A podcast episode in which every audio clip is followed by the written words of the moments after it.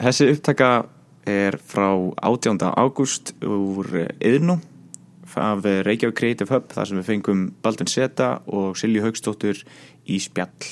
Hér má heyra klippuna í heilt. Gjör þið svo vel.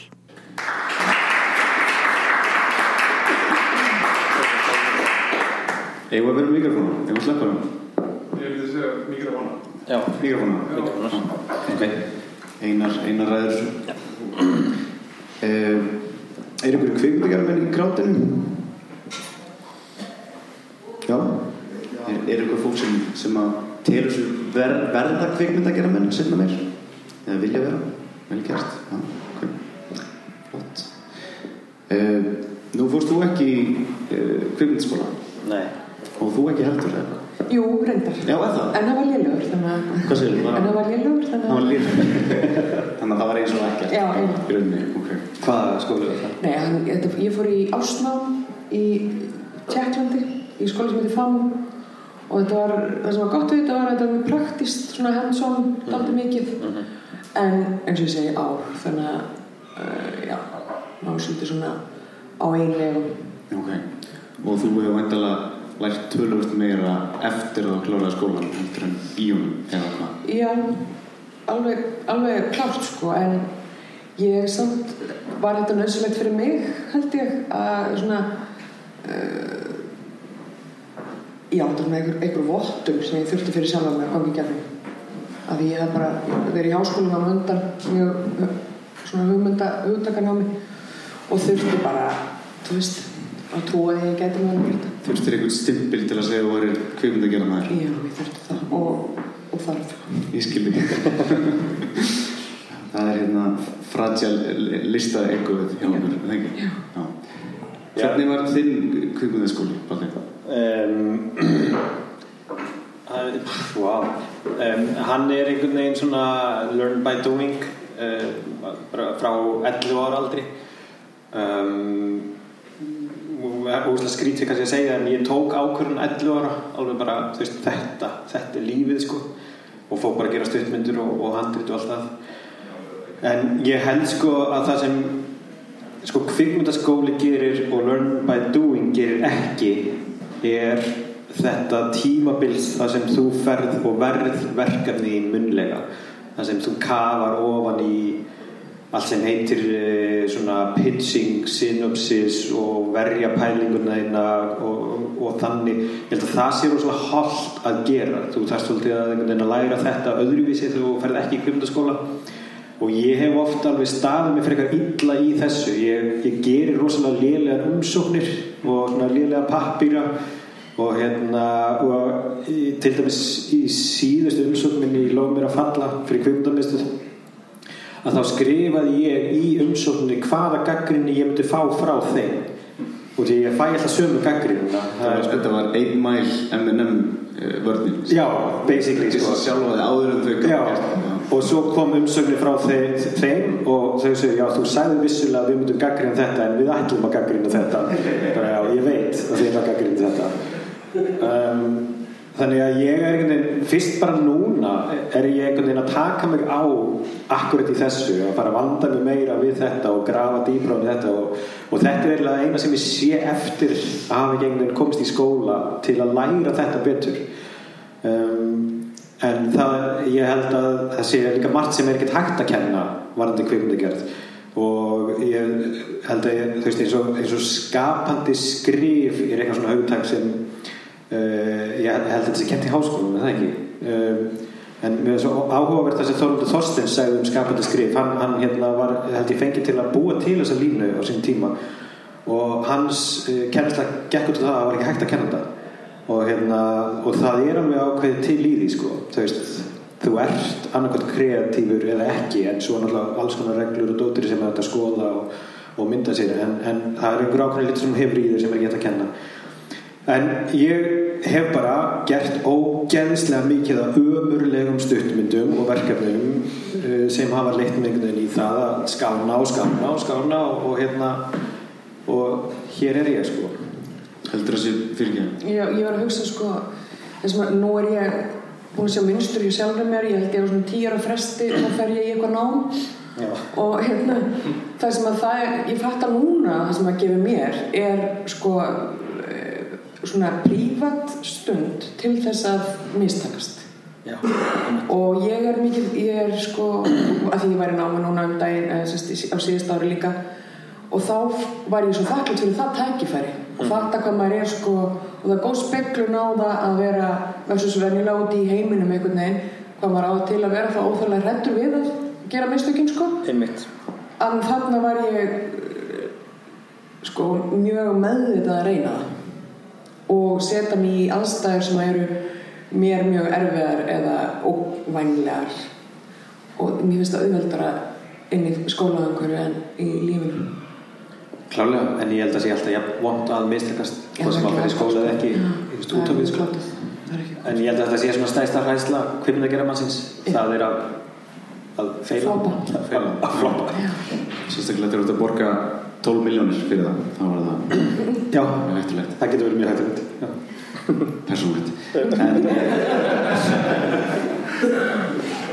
en eh, mér langar svolítið að byrja bara á byrjuninni á, á ferlinu. Eh, tala þessum hugmyndaferlið eh, fara svo kannski inn í, í handrættaskrifin svolítið og bara svona fá upp úr hvernig þið setja ykkur stellingar fyrir handrættaskrif og, og, hvernig vinnið og ég veit að það er bæði vinnið með öðru fólki í handrættaskrif sem er svolítið áhugavert langar svolítið að fara inn á það.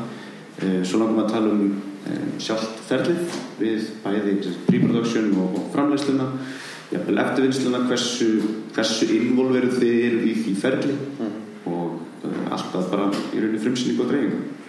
En við ætlum kannski ekki að vera þetta heilan dag. En mér langar svolítið að spurja um, varandi bara hugmyndaferlið. Uh, núna eru þið núna erst þú með mynd í eftirvinnslu sem að er að koma út núna í oktoberleiki Agnes uh, og þú náttúrulega gafst út uh, Lóð mér að falla fyrir ekki svo lengur síðan. Uh, eru þið byrjuð að vinna í næstu næstu handreitum eða næstu hugmynd? Vitið hvað ætla að gera næst? Eru þið kannski með næstu tíu ára plönuð eða hvernig, hvernig liggur þetta hjá þér mm, Sko eh, síðustu tíu ár voru nokkuð plönuð ég var alveg komin með alla hugmyndinar kringum 2011 á þessum þrejum bíómyndum. Uh, núna þegar ég kláraði lág mér að falla þá var ekkert planað sem var ótrúlega góð tilfinning þá uh, en er hræðri tilfinning í dag.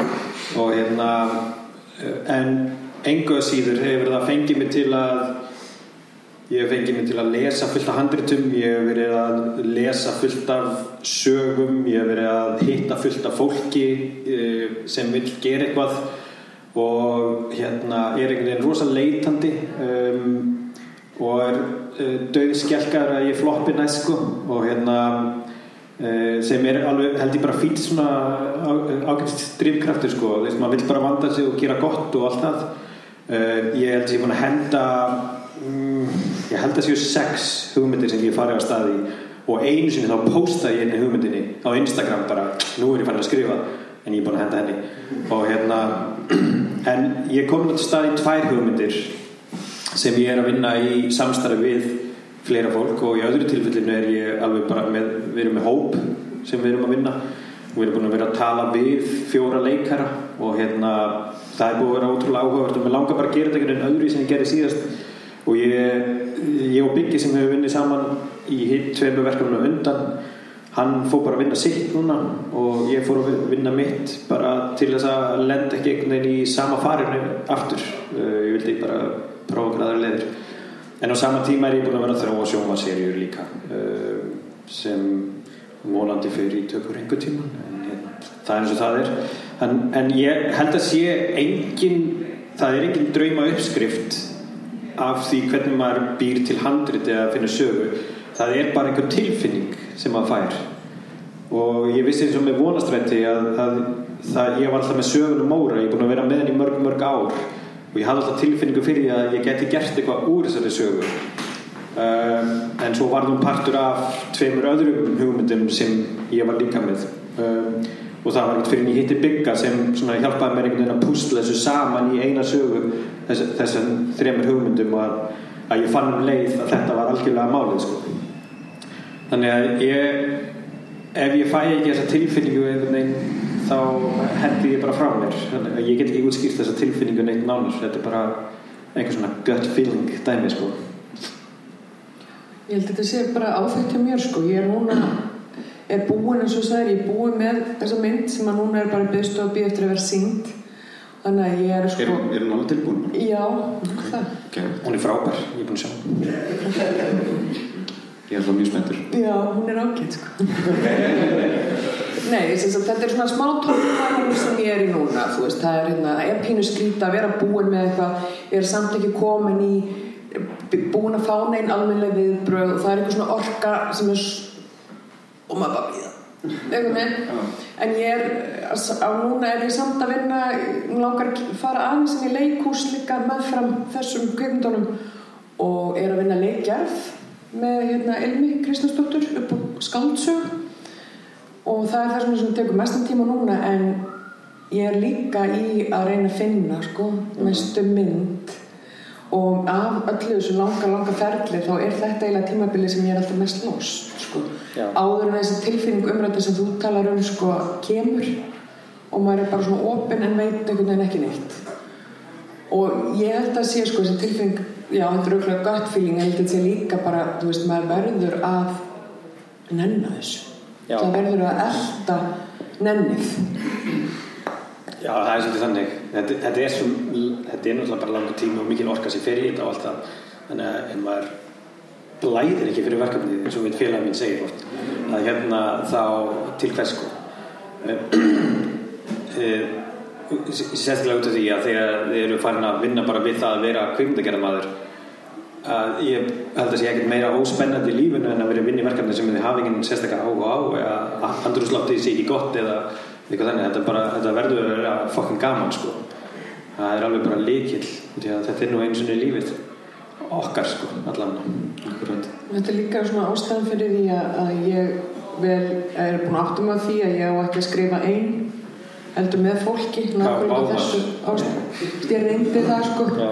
skrifa einn og ég bara hef aldrei verið pregg held ég á æfinni sko. Nei. og setti jafnmargar þóttavel líka það voru rosalega mikið þvegið. Þetta er einmitt, einmitt það sem ég langar að spyrja ykkur um. Hvernig hægið þið eh, deginum ykkar þegar þið eru ekki í tökum? Kannski margir sem halda kvíkmyndagerðin vaknum bara að fara að gera bíó allan daginn en, en það er bara brota brota af náttúrulega vinnunni. Hvernig eru þið 9-5 eða eru þið bara vaknið bara og gerið eitthvað og reynið að vera kreatífið í daginn ég veit ekki þegar ekki bara eftir hvað maður er stattur í ferlinu held ég sko. ég það henda mér já ég henda mér ekki að vinna á kvöldinu á nóttunni eða neitt svoleiðis þannig að ég bara ég held ég sé frekar formföst með það og lífinu mínu hendar það ekki að vinna á kvöldinu á nóttunni en ég held en ég reynir bara reynir bara að vinna eins og aðri sko. en það er líka mjög næst að geta stundum í einhverjum meira, meira lús Já uh, Ef við tölum kannski meira svona orientað að handreitaskrifunum uh, þegar þið eruð í writing mode eða svona Já. eruð að skrifa eitthvað sérstæð um, Hvernig er rútínan ykkar uh, áður en þið fyrir að skrifa? Er þið með eitthvað svona ritual? Nei, sko ég hef aldrei verið bara að vinna einhverju einu verkefni Það veist, ég er yfirleitt með svona þrjú fjögur í gangi einu og ég reynir svolítið að, skipta þeim svona skinsamlega upp sko. uh, en eins og alþjóðið hjá mér og Bygga var alltaf að við hittust alltaf á milli 9 og 12 og unnum þessa treatmentvinnu og við tókum bara langan tími í það og, og við hættum alltaf kring 12 alveg sama hversu ánæður við vorum eða, eða frústrirðar eftir daginn. Ef okkur langaði að halda áfram þá var bara ennþá meira, meira gaman að hittast daginn eftir og, og halda síðan áfram. En bara halda okkur ferskum einhvern veginn allan tíman mér finnst það mjög gott. Um, ég lág mér að falla þá vorum við eitt og halvt ár að vinna treatmentið við vorum eina helgi að skrifa handritið. Og veist, við unnum bara mjög svona þörra treatmentið og svo fórum við bara út í bústað og, og hérna vorum í heitum potti og bjór og, og svo, svo bara skrifuð eins og vildir sko. En hérna, en það er alls konar. Núna er ég í, í tveimur handritsögnum og bíómyndum þremur handritsópum í sjómanserjum og, og ég er að reynda að fara að vinna í borgarleikúsinu ég búin að glemma því þannig að ég er að fara að byrja lengstir á morgun Ég er að fá kvíðakast núna yfir því En hérna Já, þannig að það er bara einhvern veginn að halda því í gangi og vera eins ferskur í því og maður getur. Eh, það er ekkert ég held að sé ekki option fyrir okkur hérna á Íslandi að fá eina hugmynd og vinna í einni mynd og lifa á því sko. Nei. þú ferð ekkert til Hollywood executive og kynni fyrir hann hugmynd og hann borgar veist, 50 miljónir farðu heim og skrifa þau Akkurat. það er, það er ekki til Það verður með sjöjárn í eldinum til að borga leifuna. já, Ég hef líka samt, ég meðlega trú á þessu sem að þú ert að tala um Baldvin með sko, og tengi það mjög að vera að gefa trítmentvinnunni rosalega mikið tíma og fókus og hanga lengi þar og kannski mun lengur en maður langar en ennir af því að það er allt svo gaman þegar maður byrjar að skrifa díalóginn og þá spinnst þetta áfram og af, afraksturinn verður svo mikill og þú veist það er svona juicy. Um, en trítmentvinnan er hún er erfiðari, hún er struktúrískar pælingar og, og hérna mann er langar að hald, hægt en að byrja að skrifa sko. en ég held að það sé rosalega gott að hanga þar lengur en maður nennir sko upp á að vera þá. Líka þar getur komist fyrir vandamál sem þú kannski getur aldrei komist fyrir setna í ferðinu ef það er eitthvað sem er að þar og funkur er ekki þar þá verður það líklega vandamál það sem eftir er í því verkefni Þannig að það er spurning um að þekkja handritu, þekkja söguna og karakterina mjög vel áður en maður byrjar að skrifa. Þannig þá kemur það einhvern veginn bara svona náttúrulega, eða hvað? Já, þá er maður einhvern veginn ekki að skrifa handriti, maður er ekki einhvern veginn að þvinga það frá sér sko. Og uh, ég man að ég pizzaði sko, þegar ég pizzaði handritinu á Steinar Bakk með vonastræti, þá ætlaði ég að fara og segja honum stutt pizz, en ég saði hann allt handritið, en ég var ekki búinn að skrifa handritið, ég var akkurat í tvo halvan tíma að pizza, sem er ekki góð leið til að pizza, en ég fór, en ég gæti sagt alla sögur alveg frá aðtölu en þá voru við búin að vera í þessu trítmyndvinni alveg ógislega lengi. Áttum bara eftir að skrifa handritið. En hérna en það er óslega gott. Þá fer þetta líka einhvern veginn í beinunum manni. En svo þannig maður bara að muna það eða ég vinna alltaf þannig að, að þegar maður er komin á set að þá ver, breytist handritið fyrir mér í einhverju svona meira svona einhverja þeoríu sko, sem ég er að vinna eftir. Og maður fyrir að taka inn einhvern veginn alla orkuna og alla pælingarna sem er í gangi í kringum mann í kosmosinum og, og maður fyrir að hlæja þessu tveimur fíblum sem sátu þannig klukkan nýja á mótni til fyrir tveimur ára síðan með kaffe og sík og sögðu exterior jökull, þú veist, ertu háeti er þetta að skrifa þetta á jökli maður? E e og hvað sem það er. Að hérna, það er alls konar hlutir sem leikarinn koma inn með og sem getur breytt manni og, og, hérna, og breytt verkinu og öllu, þannig að ég minn mjög opið. Ég hef með tekið eftir því senustu töfum myndum mínum hefur skrifað uh, senur sem að gerist í útlanda Já, það er að þú getur farið til útlanda. Já, það vil svo skemmtilega til að þetta er í öllum þreymur bíómyndunum mínum. Uh, og Rói, uh, vonastrætti og Lómir að falla þá fer alltaf einhver til útland og allt fer til helvítis eftir það. Það er engin bent á þetta en, en hérna, ég fatta þetta ekki fyrir bara núna eftir þessa mynd. Þannig að þetta er ekki gert með ráðum svo að þú getur farið til útlanda. engan veg og það virðist alltaf hafa slæmar afleðingar að fara til útlanda. Útlönd er ekki góð. Útlöndi eru bara ekki góð. Ísland gott, já takk. Já, En mér finnst, mér finnst líka sko, í þessu ferli sko, að vera annars vegar þegar við erum bæðið að skrifa með öðrum þegar við skrifum eins og þú segir en það er líka sko, svo þegar maður meitur settið þá man ég bara, því ég einmitt nýbúin að ganga gegna núna síðasta vetur byrja tökur og ég var svona smá tími upphafi átti mig á því að núna þyrfti svolítið aktíft að hætta að vera handritahöfundurinn og vera bara leiksturinn og vera ekki að verja það sem að ég veit við vorum að meina þegar við vorum að skrifa og ekki að hugsa byrju, hvað voru aftur að hugsa? heldur, heldur bara að vinna með það sem ég hefði fyrir fram að mig frekar og einhvern veginn bara klippa algjörlega á þannig nafnastrenga á milli. Þess vegna held ég að, þú veist og já, ég ég held að það sé nöðsynlegt sko. Er það ekki svolítið erfitt samt að, að taka af sér þennan handrita hatt og fara alltaf að setja þessi leikstur hatt sko ekki þegar maður átti sig á því að það er það eina rétta fyrir myndina held ég.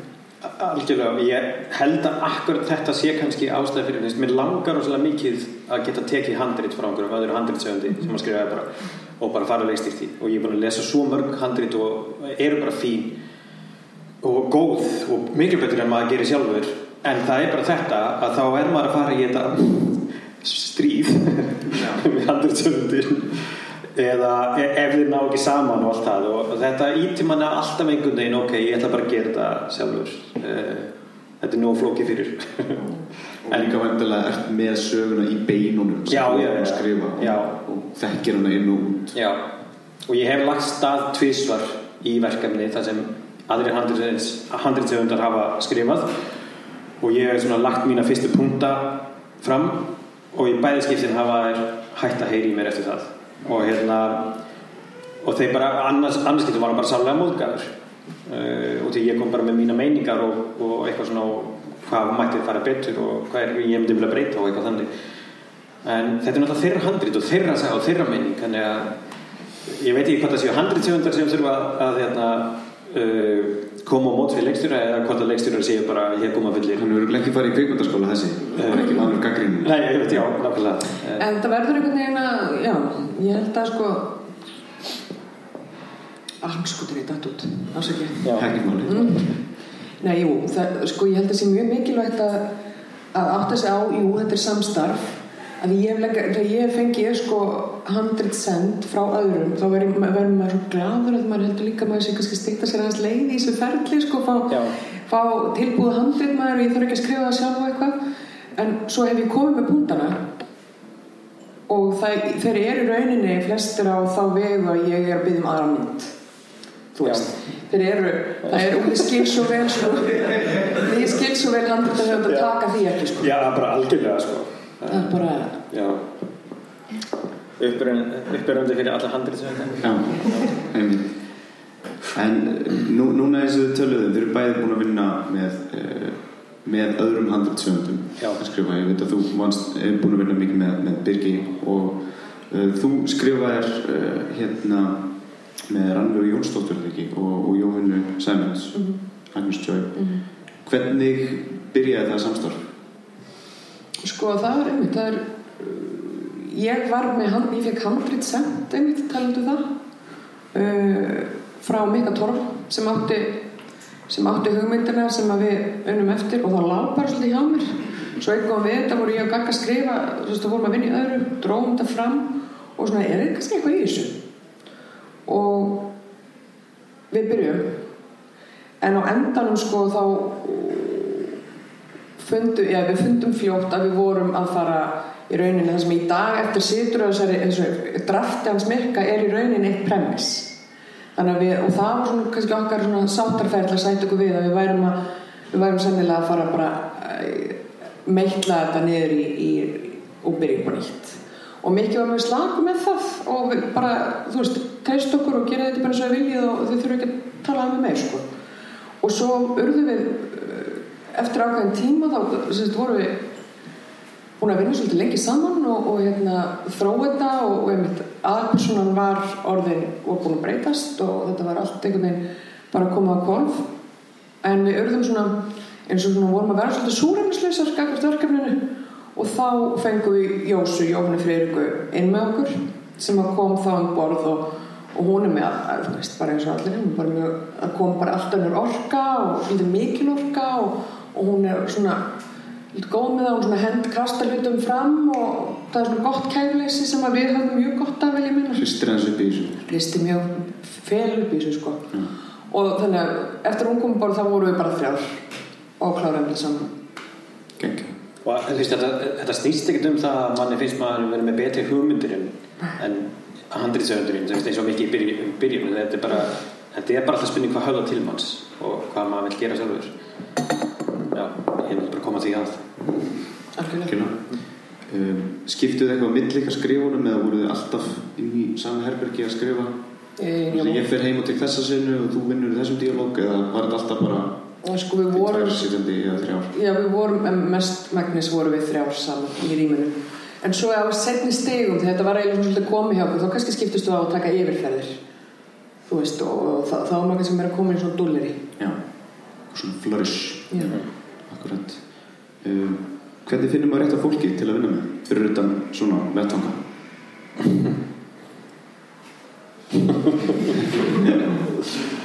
Um, wow. Einskjær hefni bara. Já, allir það ekki.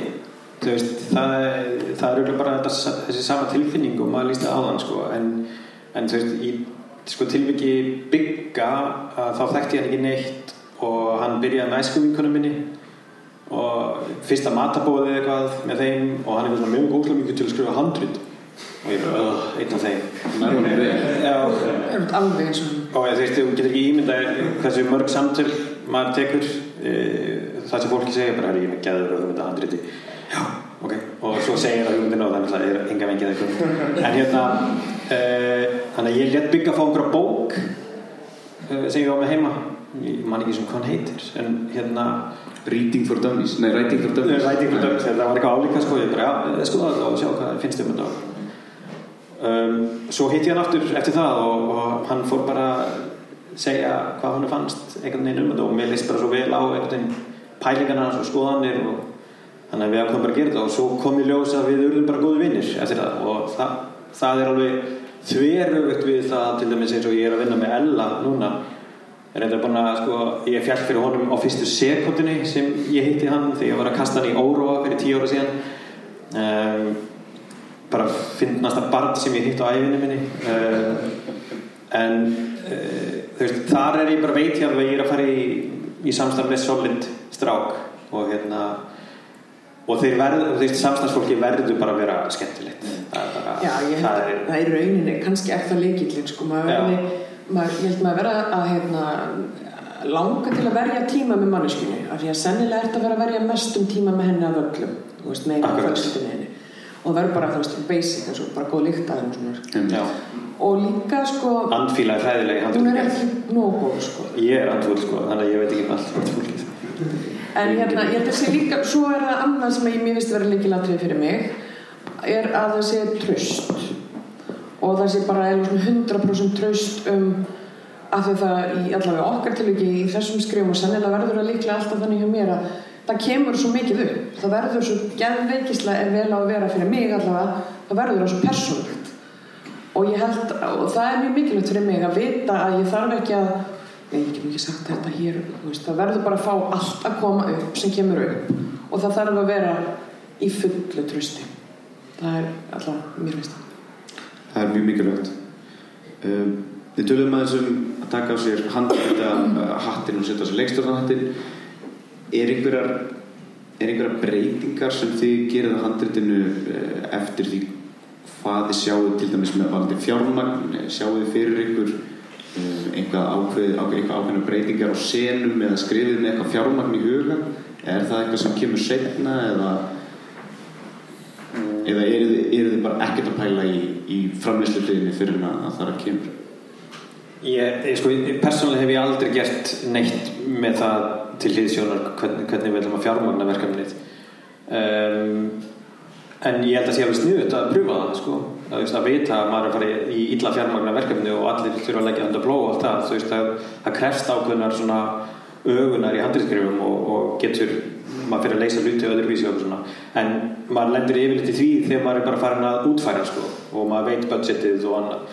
Að þá veit maður ok, þú veist, ég þarf að skjóta hérna Bahamas og Florida í- í Sardiníu og, og gera alls konar hluti og þar með þurfti ég að breyta texta til að láta það smelt passa og eitthvað. Allir sem voru frá Florida og sáu lóð mér að falla veist, hló, nei hérna eh, vonastrætti hlóðu náttúrulega þú veist, sjensin, þetta er náttúrulega aldrei í Florida um, en þú veist, það þetta sko budget og leikstjórn leik, helst miklu betur saman en budget og, og handritagerð sko. Um, já það gerir það. Ég pæli aldrei í því handritagerð Nei, ég, ég tel mig ekki pæli í því en ég held samt að ég geri það ómeðvitað af því að ég ég held ég hef ekki varð tíma í að skrifa eitthvað sem ég veit að er ógerlegt. Það er alveg rétt. Og ég hef aldrei eiginlega leikstyrtneinu sem að má kosta henni penning þannig að þetta er alltaf skor yfir nögl svo er ég var að ræða þetta við tökumanni mínum þegar við vorum í tökum og var eitthvað svona kortur ég verði aldrei fórnilambi yfir því hvað allt þetta væri low budget þegar ég gerði en hann var bara komið alltaf góðan punkt sko að hérna ef þú væri með þessu 300 miljónir sem þið langar í þá væri þú bara í einhverjum öðrum slag þú veist, það, það er alltaf þú veist, það verður alltaf að vera þak Já. og þú ert alltaf að reyna að íta á þakki það slæst alltaf aðeins upp. já, ég held að sé svona saman kannski hvar þakkið er Algjörlega. Hvernig horfið þið öðruvísi á handrið eftir að þið byrjuð að vinna í? Því?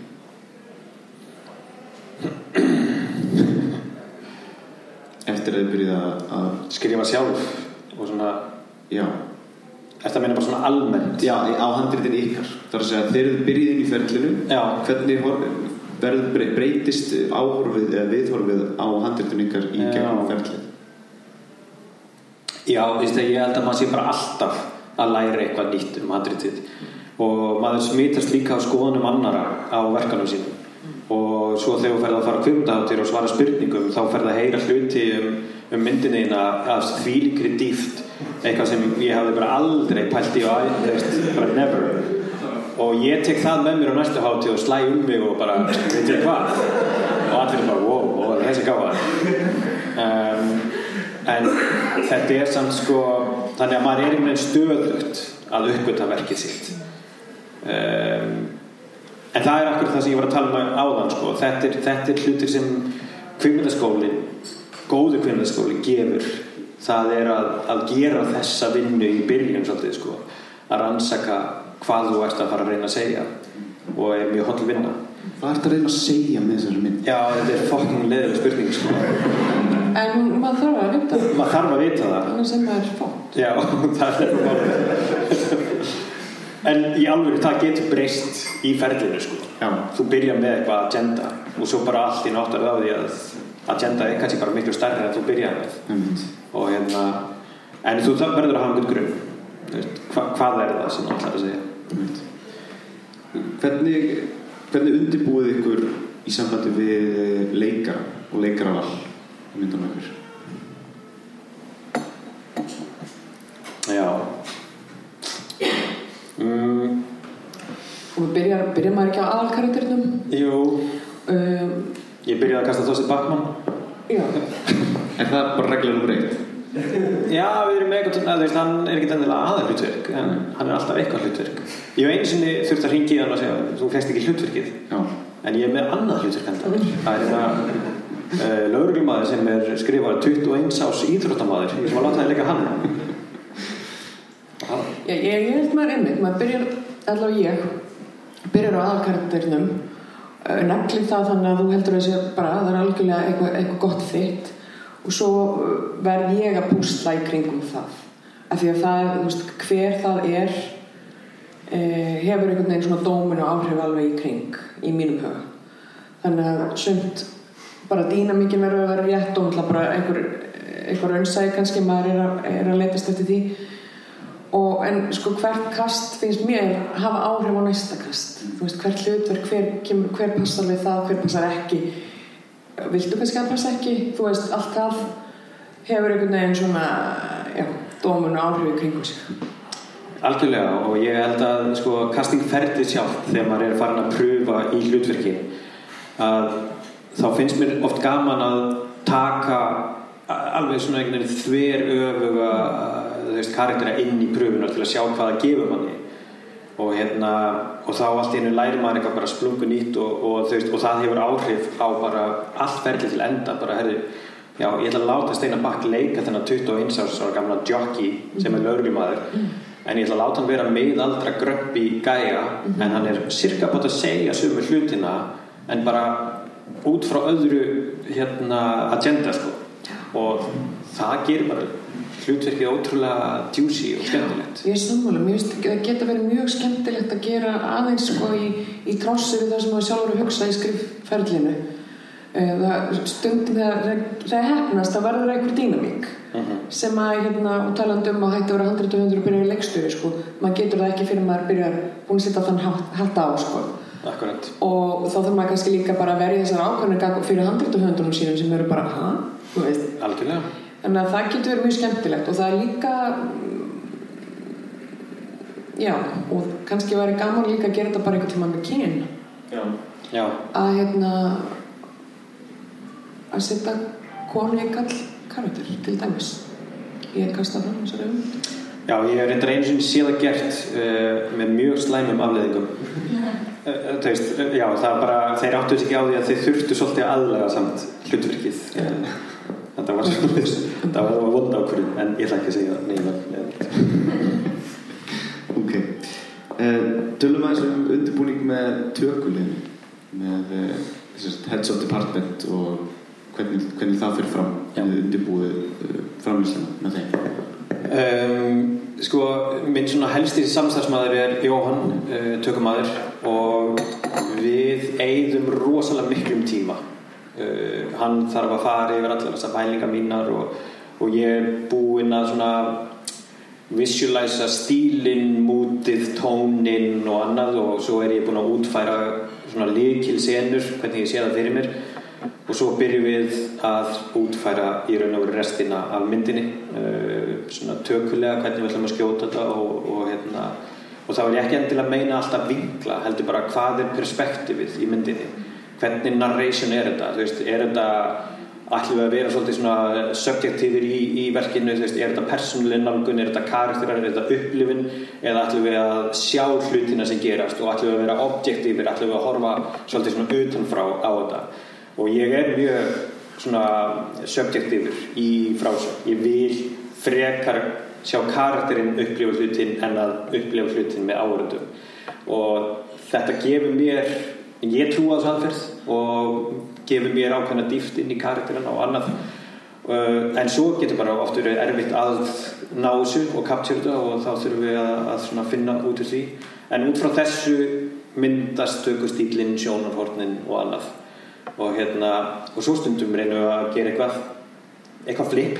Og hérna reynum við að vera hipp og cool og snúum kamerun á kvolvu og látum bíl keira til Reykjavíkur og borgin er á kvolvi en, en það er samt uh, þetta skot já, þetta, þetta skot varði eitthvað svona eitthvað svona eh, póster fyrir þessa mynd og þetta er í raun og veru síðasta móment en að Magneu áður en hennar verið hrinur þó hún sem byrjuði neysl og annað þá er ekkert í hennar lífi sem bendur til þess að hún verði einhver, einhver dópist í framtíðinni og það hafi ekki alveg áfall bunnið en þarna er hún að keira inn í síðustu nóttina fyrir áfallið. Og þetta er eina víla skotið í allir myndinni. Og er þetta eitthvað sem að þú og Jói bara einhver datt í hug eða var þetta eitthvað sem að Já, við bara var í handriti eða? Nei, þetta var ekki handriti, heldur bara hvernig getum við portræða Reykjavík og, og þess að síðustu nótt hvernig getum við veist, farið og snúið öllu á kvolf Nú, kannski bara með að hvolf? á kvolf um, Já, En mér langar hérna fyrir ekki sem fyrir að taka við til Gjörðu svo vel. Hvað spyrir þið um því? Að því að þú ert að tala um human eftir þessu skotur langar að falla á limósi, eða nei, úr bílnum. Já, ekki? jú, já. Uh, mér fannst svo áhugavert með þá mynd að ég fann svo innilega og það gerst sjaldan fyrir því að það voru engin establishing skot eða mjög lítil sem engin. Já, og það fannst mér virka svo fínt fyrir myndina af því að þú veist þetta er allt inn í heiminum. Mhm. Og maður fer já það hefur bara mjög góð áhrif finnst mér á, á upplifunina og, og það að hvar maður er staðsettur hvernig maður líður hefur aldrei með neina landafræði að gera heldur þeirra ferðala Var, voru þau snemma búin að ákveða þetta? Já, ég er sem sagt anti-establishing maður um, en sko ég er, ég er mjög hrifin ég er fyrir mjög miklum áhrifum af svona sjönd uh, heita sjöndi, áttundi uh, 70s kvikmyndagerð frá Ameríku Uh, áður en hún varð kommersialisið uh, bara hérna það er það sem sagan var alltaf keirð áfram á karakterunum ekki landafræðin eða hvar við vorum stætti og hérna mér finnst þetta vera leiðin til þess að fókusera á uh, veist, þeirra líf þeirra, þeir, veist, þetta er svolítið svona mín leið til að reyna að vera hérna, subjektífur narrator í bók þar sem ég get nánast sagt hvað karakterin er, að hugsa um, og hérna og ég gerði þetta líka í vonastræti það var eitt eða tvö sko þar sko. Og það var meira af þessu í óróan en ég í óróa þá einhvern veginn svona myndast þessi skoðin hjá mér að þetta væri einhvern veginn leið. En það getur vel verið ég veit ekkert hvað ég ger í næstu mynd það getur vel verið að þetta virki ekki þar en, en, mér varst líka til að gera heiminn ísóleraðan sem þau lifði í. Já. og hann væri ekki partur á okkar heimi En- þá var þetta hárrétt ákvörðum fyrir þessa mynd. Já, ég, sko, ég gerði þetta líka í myndinu minni. Já. og þá á þeim ástæðum líka sko að ég fann að því ég líka ég leikst svolítið mikið sjónvarpi. Og þetta e, þú veist, og maður, þetta er bara formúli sem virkar þar. Og ég var líka að taka þau sko einhvern veginn vopp frá sjálfur mér þú veist að ég finn að ég hef ekki gott af þessu þetta er svona, mér langar bara þú veist þannig, ég tel að tungunum bara við megum ekki hafa, nei það er búið ákveð það bannað að hafa það í staflun sko til þessara mynd. Og þetta er, er sko, mér finnst þetta mjög góð tilraun að fara í gegnum af því að maður setur mig sko þegar senan byrjar þá byrjar hann frekar á tilfinningu. Og þetta verður persónulega þannig að já, ég ég fíla þetta sko. Já, þetta er, þetta er skemmtilegt. Verður aldrei erfitt? Er þetta aldrei að mála ykkur, er þetta aldrei að mála ykkur út í hotn? Jú, jú, Jú, jú. er að brjóta þessar reglur stundum Já, en sko það er bara almenn regla þegar þú hittir framleiðanda og hann horfur á fyrsta klipp að hann segir það vantar að í staflýsinskot svo þarf að herða hans á þessu Já að það þarf að vera aðeins stittri mynd þú veist, þó myndi komið 70 myndan langa mynd þá myndi hann segja þetta nákvæmlega sama sko. Alltaf að herða þess að þessu? Já Þannig að framleiðendur eru fínir sko þau bara vita ekkert um hvernig það getur Jók Tjók. Nú ert þú framlegandi sjálfur. Rétt Hvernig fléttast þetta inn í allt saman? um, Þetta gerir bara ferlið að meiri ángist uh, og verður erfiðara um, en En þú er væntalega meir um það að segja eitthvað. Sko ég var rosalega heppið með mína framlendur þeir gáðu mér alltaf 100% leifi e, bara að taka þetta algjörlega í mína hendur. Þeir komu með þessar tvo púnta hann alltaf þegar voru með klippi dæminu en svo stitt ég eitthvað og uh, ég held að hún þú hafi séð sko löngu útgáfuna af Lómar að falla Já, já, já, Jésús, var rosalega hún var, hún var 174 mínútur. 174. já, hún endaði í 136 mínútum Hvað er það næstu þrý tímar? já, það er næstu því tíma sko Það um, en þú veist, við vissum alveg á þeim tímapunkti að við áttum eftir að að taka helling af henni sko. Það var ekki, ég var ekki að fara að berjast fyrir 174 minnum um, en uh, hérna, hver var þessi spurningin? Ég, Bara, það er ógæslega góð spurning. Já, Já. framleyslan. Ég var að tala um hvernig fléttast já. inn í leikstjórn. Eh, þú veist, þetta er, þetta er held ég trillt eftir á sko. Ég hérna bara hlakka til að vera búinn að klára mínu eh, fyrstu mynd þar sem ég framleiði sjálfur og hérna og geta bara fallið og, og staðið með henni. Og hérna mér finnst það bara góð tilfinning, ég hef ekki átt mín verk hinga til. Lóð mér að falla að standa. já, lág mér að falla það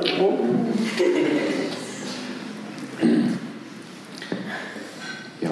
Um, eru þið með einhverjar uh, sögur af, af setti? Einhverjar pressusögur? uh, mikil pressa eða, eða eh, skemmtilegar uppákomur? Eitthvað sem að gerðist? sko, eh, ég man aldrei eftir neinum sögum þegar ég spurður á sögur að setti en hérna um, en ég man eitt sem ég man er að ég man ekkert eftir fyrsta tökudeginu mínum í Óróa um, og þegar ég var svo stressað um, en það eina sem ég get sagt frá þessu fyrsta tökudegi er making of mér.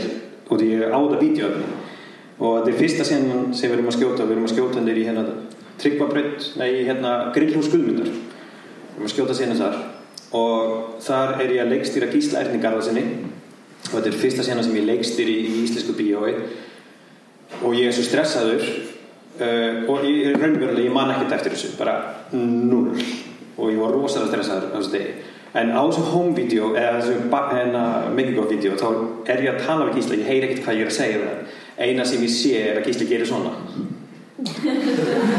Á þess að ég sjá ég og ég er búin að segja Gísla alveg þessu að ég eigi þetta vídeo, hann vil ekki trúa þig en hérna ég vildi bara segja þetta þá til að, að hérna, á morgun er ég semst að fara að leikstýra í borgarleikusunni Gísla Erni Garðarsen einleik og hann bað mig um að leikstýra með sér. Þannig að ég veit ekki hvað ég sagði við hann á þessu mómenti en það allan að virkaði það vel að, að við erum að bara vinna aftur saman á morgun. Er einhver salum sem vil taka hérna behind the scenes footage? Það var örugglega mjög skemmtilegt að fá að horfa á það. En uh, förum aðeins uh, í klippihefnið. Þegar að þeir eru búin að taka myndina og þá, þá fer eitthvað ferla af stað. Um, eru þið involverið í klippinu eða, eða leifið klipparann svolítið bara að fara með það og, og þið komið setna inn? Hvernig, hvernig virkar? Ég held að generalt sé ég mjög innvóluverið og ég hafa kannski samt ef eitthvað þá stundu verið ekki gefið nóg mikið rými eða næði en að ég held að þetta sé fyrir mig er það bara mikilvægt að finna balansin á milli hvernig, þú veist, að taka ekki fram fyrir hendur leifa klippara að koma með sína versjón og verða hana og, og trúa því að geti actually bætt ykkur við. En hins vegar svo eftir því sem að á líður en sko, ég, af þessu sögur þá verð ég þá að trúa því að hann sé að fara að gera það hann eða hún sem mynd og ég, þú veist. Og en svo eftir því sem á líður eins og við talum um síðustu mynd þá uh, þegar ferðlega komið svolítið að stað þá, þá er ekkert annað hægt fyrir mig en að sitja bara við hliðina og gera það saman. Já. Ég, ég leifi klippara sérst að klippa fyrsta versjónið uh, ég vil svolítið bara gera eins og handritið. Uh, en hann má, veist, hann má bara koma með svolítið sitt teik en ég útskýri samt í byrjun hvernig mynd mér langar til að gera. Um, ég gerði það ekki þegar ég gerði rétt eða case með sagafilm. Uh, þá bara fór klipparan stað og svo komum fyrstu senur inn og, og það var bara eitthvað allt annað en ég var að hugsa þannig að ég setið nefnum með ok, veist, þetta, þetta snýst um þetta og við ætlum að halda okkur í svona skotum meira og, og eitthvað. Og þá datt hann inn á brautina en svo þegar við erum komið með þetta fyrsta klipp, þetta 174 minna klipp sem er svolítið bara basically svo handriti var skrifað um, þá sé ég hvort að það hafi komið eitthvað nýtt eitthvað sem ég var ekki búin að spotta eitthvað sem klipparinn kemur með og hans meiningar hvort við tókum eitthvað því inn í lokalipið en svo er bara konstant vinna við hliðin á klipparannum uh, í marga mánuði sko. Og hérna ég hef setið lengst í 11 mánuði inn í herbyggi með klipparann uh, og ógislega gaman ógislega erfitt og ógislega gefandi. Fyrsta klippu á vonastrætti var 191 mínúta. Hún var ennþá lengri og erfiðari. Og það er líka bara mynd sem virkaði alls ekki þegar við vorum búin að klippa fyrsta klippið. Hún, hún var langt frá því að virka og við þurfum að stokka öllu upp og hún er klippt allt öðru sem handritið skrifað og uh, þetta var ógæðlega langt ferli með hana sko. Það er kannski mjög mikilvægt að, að þið og þú og klipparinn séu á saman stað og þeir séu búin að tala um hvernig hugmyndin er, hvernig tilfinningin er að vera og, og fara inn í það með, með það í huga. Og mér finnst gaman að, að vinna með klippara áður í fyrir tökur alveg eins og ég gerir með tónlistafólki líka. Að e, ég fór með Óla Arnalds e, einhvern tíman inn í stúdíu og, og, og ég, hérna, við tókum svona David Lynch hérna, Batilamento moment þar sem ég lísti fyrir hann um myndina og meðan ég voru að lýsa e, svona stemningunni og mútinni í myndinni þá saman lag á sama tíma. Og hérna og því ég eins og eins ég heiti Eilinskir og hérna þannig að við pröfum þetta og úr kom bara geggja skor sem vann síðan BAFTA-velunin fyrir besta skorið í Broadchurch og því hann notaði síðan skorið í annað. Bastardur.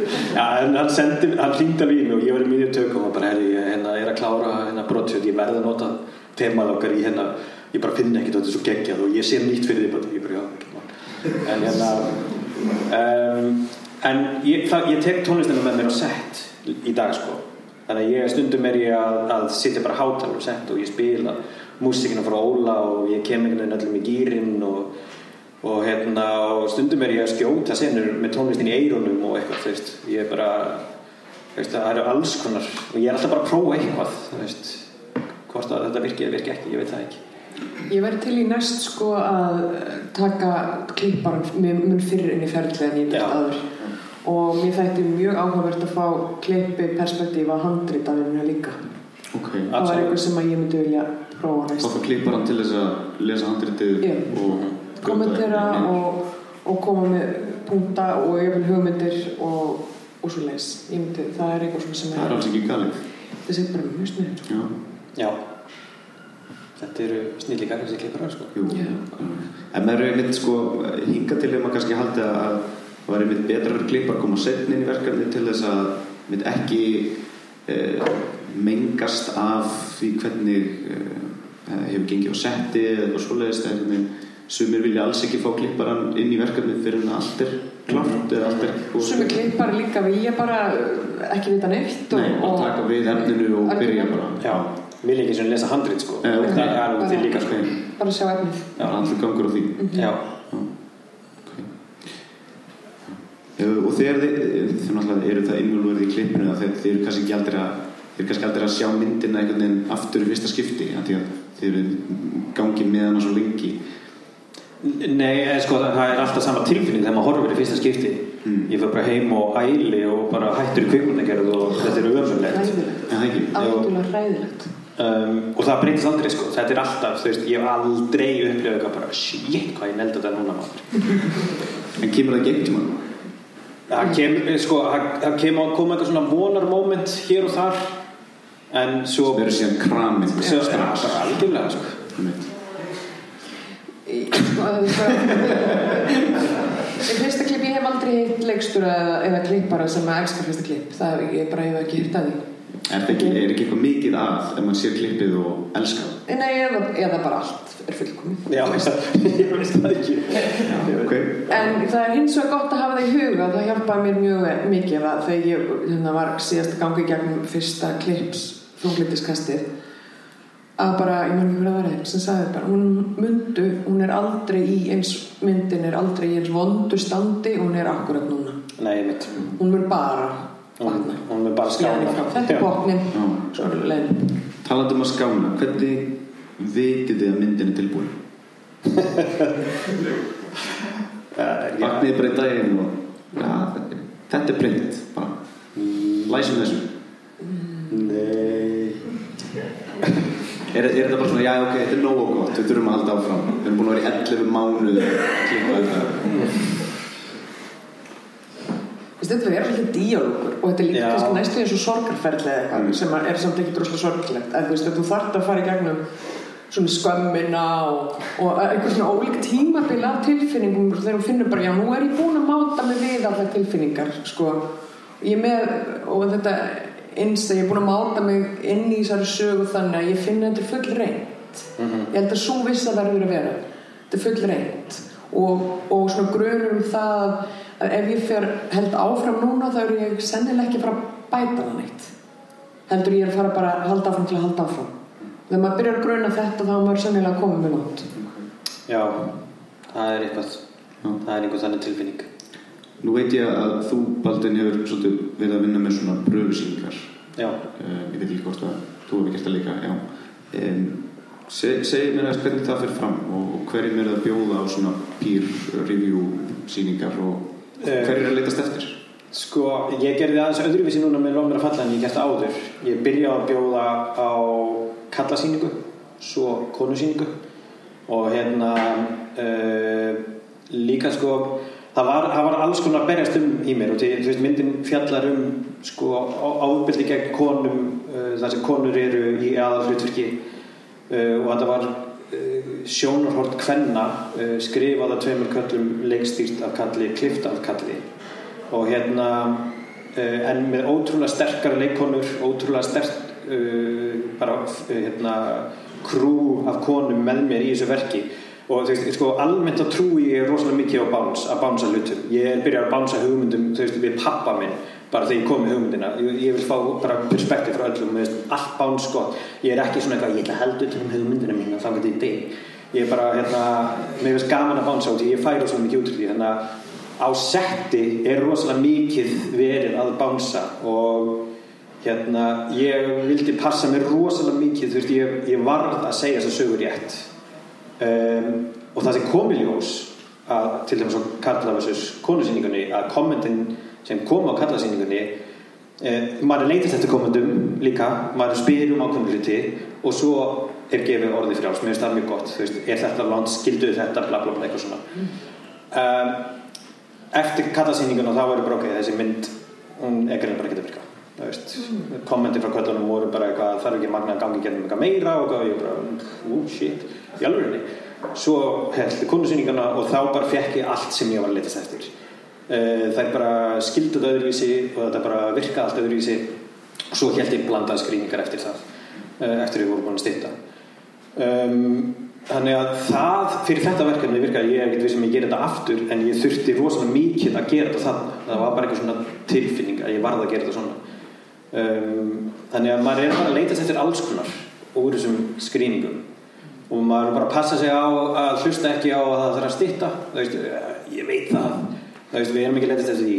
Eh, það er eitthvað svona annað sem þú ert að verður svolítið ákveðin í hvað þú ert að leitast eftir í þessum Og pröfusýningum á hvaða tímapunkti eru þið með þessar skrýningar? Er það þegar þið komið með röfklip eða er það þegar þið eru næstu því læst?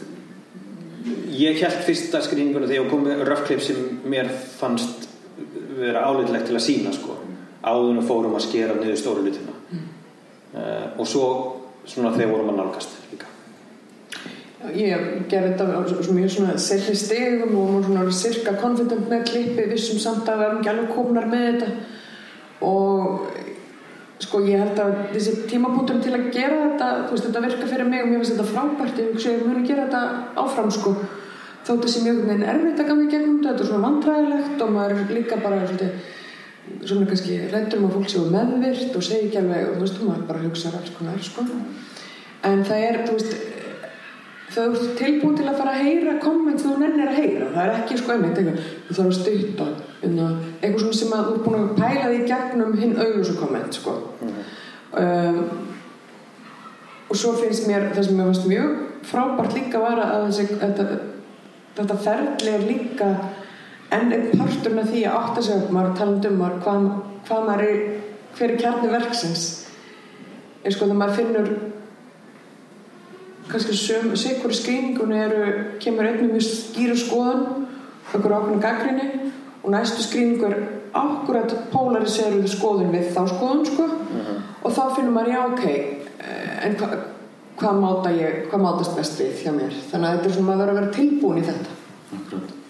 Talandum, talandum stress, ertu stressu fyrir frumsýningu? já ég er það sko ég, ég er samt held ég sem meira spennt en stressuð Þú varst að nefna við mig oktoberið ekki, Jú. 17. eða Jú. Spennandi. Já, og mér finnst það, mér finnst eiginlega, já, ég er bara stað fyrir að standa fyrir fram fólk og, og það allt, sko. Mér það frekar vilja bara setja skrýningunni í gang og ekki heim. eiginlega, sko, en svo held ég að ég, hérna, ég er að reyna að þjálfa mig þannig að ég verði eiginlega að ganga í gegnum þetta til þess að mögulega geta þetta eitthvað við þetta á þess að fá Það er maður. Já. Þú ert orðin okkur sjóðar í þessu. Já, ég er alltaf að reyna að gera eitthvað svona Ertu með eitthvað ritual? Nei, ég er ekki með neitt ritual sko. Eða, þú veist, jú, eh, eitthvað farin um skólaversti og fórum kaffi en hérna eh, ég er samt alltaf að reyna að koma með eitthvað nýtt fyrir hverja frumsýningu. Um, fyrir vonastrætti þá leti ég það, það var fyrsta myndin sem postaði mynd af sviðinu og nafnin á myndinni og, og sett á samfélagsmiðla. Þetta var, þetta var fyrsta myndin sem gerði það. Já. og hérna um, ég vissi ekkert hvað ég ætti að gera fyrir lómur að falla en, en svo fekk ég þessi hugmynd að, að, að posta textan hennar Kristínar og hérna uh, út í að hann skiptir svo miklu máli. Hann er, hann er, svo, hann er svo mikil kjarni myndarinnar sko, þessi text hennar. Til að fá hérna fólk til að bara átta sig á því að þetta er the real deal sko. uh, Og það tókst líka þvílíkt það, vel. það tókst vel sko, algjörlega. Allstar og samfélagsmiðlum eh, næstu vikuna eftir, eftir frumsýningu. Já.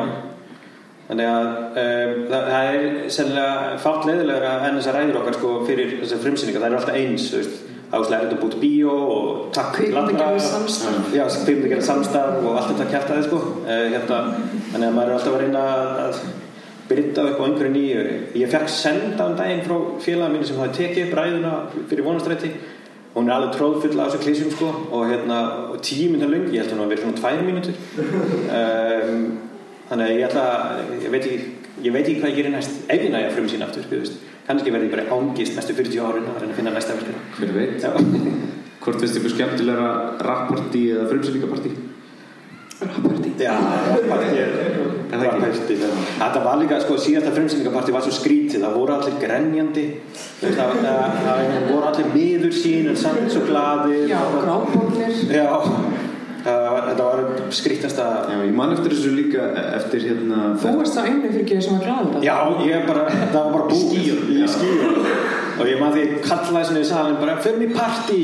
Já, Og það var bara svona allir meiri sér, meiri sér byggi var, var eiginlega alveg í rusli. Já, já, já, Bara, það voru allir í það var rusli. eiginlega bara þú sem var stress Já. eftir þessa mynd. Já, ég var líka alveg ónæmur fyrir myndinni. Akkurat. Ég var eitthvað fann að segja já, hún er bara svolítið fyndin og eitthvað. Komin allar hringin Já, ég man, ég man eftir þessu hérna, þegar frumsýttið þresti að þá, hún er líka frekar hefi og Já. þá var einmitt fólk er bara svona niður út og langar bara að fara heim í styrtu og íhuga lífið sitt. Já, já, Og svo er líka hvernig að lesa í þessa stemmingu sem er erfitt sko. eins og þarna væri ég örglæs leikstur hefði ég leikst eitt þröstum hvort hataði fólki myndina eða, eða hún hafði svo mikil áhrif? Já. og ég get ekki fundið Já. það liggur. Akkurat. Ég held reyndar þekkjandi Rúnar hún er örgulega alveg sama. Nei, hann lítur út fyrir það. Já, já. En e, þá erum við eiginlega svona komin ringin, ég ætla að fara eiginlega svona aftur á byrjun þar sem þetta er svona þetta fjallar um kveikmyndagerð, ég ætla að taka svona smá twist í lokin, svona three weeks earlier eitthvað, skemmtilegt það lendi ekki en e, er þið með eitthvað spurningar til hvers annars? Ykkur, eitthvað brennur ykkur? það þarf ekki að vera sko Nei, Já, ég meina já, góð spurning uh, Hver var helsti munurinn á því að leikstýra Agnes Joy og Dís fyrir þig? Uh, sem sagt í raunum verið út frá þeim vingli að þú ert uh, kvenleikstjóri Já, finnst þér umhverju að hafa breyst? Fyrir sko ég ég skilði Sko ég held, í, já, umhverju hefur breyst klárt, en ég er ennþá kona. Já, Þannig að og ég held að það sem ég gekk í gegnum fyrir af stressleveli fyrir fyrstu myndina mína hafi líka bara verið það er alveg drullu stressandi að gera fyrstu mynd gera og bara Já. mæta fyrsta tökudaginn og talandi um hann sko fyrsta tökudaginn, ég kom með ramman og allt og var bara svona skjálfandi. Þykjast vera rosa slög sko og hljómaðurinn kom upp, upp að mér og bara horfður á er þetta rammin? og sem var mjög fínt sko því að það var hægt að hlæja þessu og aðeins að brjóta ísinn. En, en munur samt í dag? Ég veit ekki hvort það sé sko já, bátt með að skilja melli hvort það er að, að landslægi er annað eða þá að ég hef vonandi þroskast um, ég er ekki jafn skjálkuð Nei. og ég var. Og það er bara þú veist, það versta sem gerist er að þetta mistekst. Og það er sko, ég veit að það er öll að segja þetta en það komur svona vissa í mig með það. Já, og, en fyrir mig var líkillin að, að þessari hugafærsbreytingu held ég hafi verið þegar ég áttaði mig á því að það væri lægi hérna, samstagsfólki sínu líka að viðkynna stundum að veit ekki hvað maður er að gera og maður er ekki alveg 100% viss með að þetta sé algjörlega solid sko. Og þegar maður er með einhverjar eh, vangaveltur eða áhyggjur eða efast að þá má ræða það. Og líka að sko þú þarft ekki að hérna, þú mátt alveg vera lost. Og þá eftir ég áttaði mig á þessu það er enginn að ef þú kannt að velja fólk til að vinna með þá er enginn að reyna að hanga það á hennu fyrir að reyna að gera þetta betra saman. Og það var svona þegar ég áttaði mig á þessu og þá kom ykkur það var þetta ekki jafn skelfilegt sko. Ég held að það verið þú sem að sagði Baldin að þú umkringur við fólki sem er betra en þú í, í því sem það gerir. Já. og það er mitt þú veist, með, með fólki í öllum stöðum, líkilstöðum sem er uh, meistarar í sínu fæi mm -hmm. og gerir það óbáðslega vel mm -hmm. og þá bara getur maður flotið í gegnum að dekna Já, það ekki Það ekki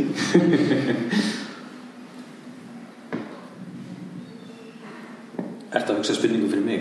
Já, Já. og svo verður ég að bara hugsa um þetta allt sko Já, þú veist, ég var kannski líka bara að pæla í uh, þú veist, þú veist, ungstelpa að koma inn í umhverju hvað, þetta 2000 og 3-5 Sori, ég mér að heita ekki. Nei, ok, þetta var 2005 Já, þetta er allavega mjög snemma. Sori, 2003 2003, já. Uh, þú veist, fannst þú ekkert fyrir einhverju svona eh, þú veist, já, þetta er bara einhverjum stelpa eitthvað, eitthvað svona, eitthvað svona attitúti Nei, sko, ekki þarna. Ekki þarna? Þarna var ég líka bara, ég kom beint út úr skóla, þetta var hérna, myndið að byggða á, á skáldsöðu sem að við skrifum þrjá saman, þú veist, ég, ég þekkti þetta svo rosalega. Já, já, já. Og, en, svo eftir myndina og svo þegar ég bara fatt að já, ég vist svona leikstjóri og hérna, og reyna að fóta mig í bransanum og í kvæmferð og árun eftir, þar fann ég þetta afsakið frönsku mína næstu því að hverjum degi, sko. já, Um, en inn, þarna okkur var ég held ég bara ennþá inn í búblunni líka þú veist og var ekki að byrja að fá þú veist ég var ekkert árum partur af þessu landslægi sko. Nei, en nei. það var þegar ég taldi mig vera það og fór að- eitthvað kveða með hljóðs og svona sem ég fór að finna fyrir, fyrir því að það væri það, já, fokk, það eru engar aðra konur, ég er eini hérna sko.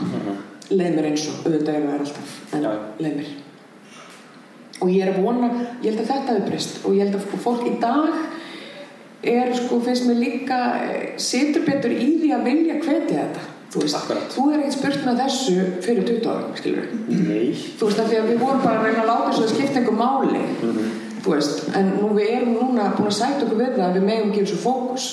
Og þá er hægt að orða hlutinu sko. Og hérna se- setja merki með það orð á það Akkurat. Erst þú með einhverju spurningu fyrir bata? Hvernig er að vera kall? Mér langar auðvitað allt um, nei, þú var bara íslenska bíómyndir á komstu það hérna hérna mér langar að spyrja þig svona um framtíðina Já. að því að þú ert, þú veist svona hálgreinast með það og veitur ekki hver næsta mynd er og svona, en ég, svona ég trúi því samt að þú einhver staðar innstinni þá veistu það hvað þarf að gerast þannig að þú komist að því? Um, já. Sko ég eh, veist þetta gerist einhver staðar í ferlinu. Um, að sko ég er orðin mjög confident með þessar tvær hugmyndir sem ég er að vinna með sem hugmyndir. Nú erum við að fara að byrja að vinna okkur inn í þær og einhver staðar þar á leiðinni gerist þetta þú veist, þetta smellur allt saman önnur hugmyndin er svolítið conceptual ennþá. Uh, hinn hugmyndin er svolítið plottuð ennþá. Og hérna þannig að uh, þannig að já, þeim vantar bæði eiginlega styrkleika hvers annars. Um, en ég held samt að ég muni klára báðar þessar hugmyndir sko. Ég hef það á tilfinningunni. Um, og sko önnur hugmyndin er eiginlega bara um pjúra karlmennsku. Og ég hef einhvern veginn svona átt að mig á því að, að ég hef aldrei einhvern veginn pælt í henni mjög mikið. Alveg einhvern veginn í sínu reynasta formi sko. Og hérna hvað hún er og hvað hún representar og, og hérna, af hverju hún er svona eins og hún er og allt það. En svo er hinn hugmyndin eitthvað bara gjör, gjör ólíkt. Um, og ég er að vinna með mjög áhugaverðum leikarahópi þar uh, skemmtilegi krakkar og, hérna, og þau eru að hafa rosalega mikið input inn í konseptið. Uh, mér langar svo að, að einhvern veginn að kjarna hugmyndin út frá um, þeim og líka handriðsöfundin sem ég er að vinna með Eliassi um, það er svo eitthvað ég veit ekki, ég, ég er núna bara að tala í ringi ég, þetta hérna eins og þessi vinna er. Já, einmitt, bara alltaf reyna að hljóma einhvern veginn, þannig að maður sé ekki að þetta gáðulegur um, þannig að þetta gerir þetta einhverja leiðinni sko. En ég, ég held samt tilfinningin með núna að ég muni klára báður þessar hugmyndir. En hvor fyrir á staða undan það? Bara verður tíminn einn að leiði ljós. Uh, Klísja, hérna, uh, erum við ráð fyrir unga leikstjóra? Hvaða leið er, er best að fara? það er engin best. Nei, það eru allar vondar. Já, það ekki. Það verður bara að velja á skástu nei, ég veist, það engin leið virkar eins sko, þú veist, þetta er veist, ég kaus að fara þá leið að fara aldrei í neina andra stöðu og vera alltaf að reyna að gera mitt eigið.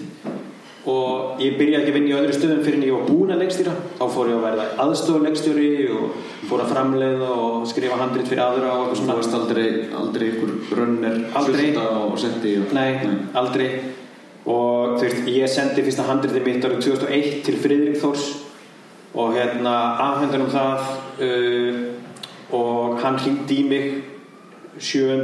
7. 5. september eða eitthvað árið, það er ástæð fyrir ég mann eftir þessu uh, árið 2001 og hérna sagði hann alltaf að gera bíó úr þessu ég ætla að skrifa upp í fulla lengt og ég náttúrulega bara sagði þetta vinnum mínum bara ok, ég er bara að verða kvimdegina maður Friðrik er bara búin að segja já, þetta er bara klárt Er bara að fara að takast. Þannig að ég fór að skrifa handrit.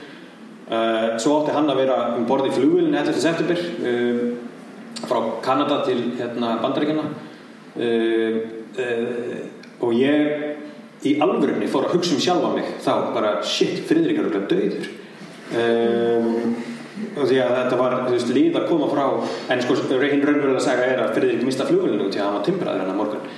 Um, en hérna svo heyrði ég aftur í honum og við sóttum um í kvimundasjóði uh, með þetta handrit. Og það fekk ekki styrk. Og ég var bara sjokkið að þér. Menn þetta er Friðrik Þór. Svo sendi ég handriti annað og svo liður bara mörg, mörg ár. Og mörg nei. Þá getur fyrst að jáu kom 2009 8 árum setna uh, þá fyrir stuttmynd.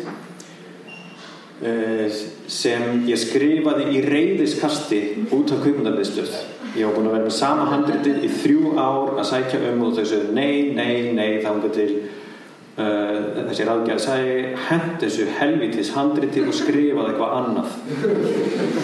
Og hún sagði það. Og, hérna, og þannig að ég fór og skrifaði handrit á 40 mínútum og sendi það inn og fekk styrk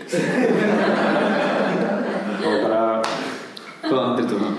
eh, til hóteljörð ég vann það úr öðru stærra handriti en mín lukka voru yngvar og júli um, ég sendi þetta stundmynd handrit sem ég fekk nei við í þrjú ár sendi á alla framlendur í Íslandi. Og þetta er bara þannig að þegar þú ert að vinna í framlendufyrirtæki þá ertu endaröst að fá handrit. Og ég, maður reynir ekki á þessa tíma til að lesa í flugvilum það er einu staður sem maður fær fyrir til að lesa handrit sem maður Einu staður sem að leiðist lengur Já. Eru flugvélar. Og ég, veit ekki, ég held ég sé með svona 20 handrit sem býða núna lestus og hérna en ég var alltaf búin að senda eitthvað ég heiti Baldvin og ég er hérna kvimleikina maður í Danmörku og eitthvað bla bla bla og hérna ég gekk að klár og eitthvað og enginn las og ég hringdi og fylgdi eftir og enginn las og enginn las og svo eh, sendi ég á júlakemp og í staðan fyrir að gera subjectið að, eða sérst meginmálið af hérna, textanum mig sett ég handritið inn í það. Þannig að e-mailið var bara handrit. Og svo bara stóð neðst eitthvað svona kær kveði að þú vilt hitta mig þá er þetta síminn hjá mér.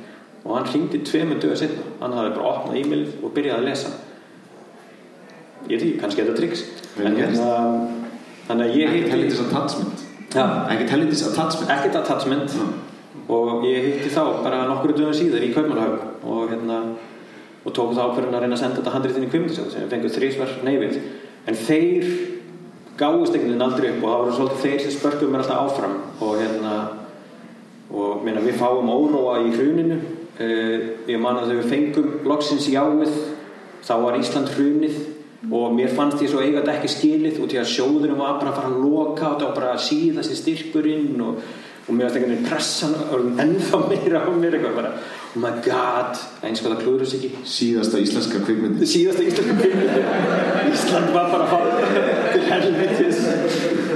Um, en hérna já þannig að þetta er mín hefni eru Ingvar og Júli sko. Þeir eru algjörlega gera þetta fyrir mig. En það finnir þessi góða framleiðanda það er svolítið Já, ég held sennilega er það, það er mjög mikilvægt. En ég held samt sko ef það ætti að vera einhver ráð þá er það frá mér allavega það sem ég var að tala um áðan er að sko þetta með að viðkenna þú veist, vera það opinn og í það miklu trösti að þú getur viðurkent e, veikleikana og þegar þú pinn, þegar þú veist ekki hvað þetta gera eða hefur einhverja áhugjur að sko það tekur einmitt þess að þennan hrikalega ótta svolítið í burtu. Og óttin er, allavega finnst mér en er ekki vinur sköpunar. Þannig að einst mikið um að næra að stíga inn í hann um, því betra sko. Ég, ég, þetta er eitthvað sem ég þarf að vinna mig, minna mig á hverjum degi sko og mun verða með mér alltaf bara svona eins og mantra. Þannig að já, það er eiginlega það sem ég verður hugleikið það er samt miklu auðveldra fyrir okkur að segja þetta núna eftir á en að actually executa þú veist að feysa þannig orða sko en þetta er samt mjög gott ráð frá sig Vel orðið komist Ég held að þetta sé endurinn hjá okkur á þessu. Við ætlum að opna fyrir spurningar og sal Ef einhverju á það er engin farin en það allavega Nei, það er bara nokkuð nokkuð vel að sé vikið held ég var að gefa gott það fyrir það.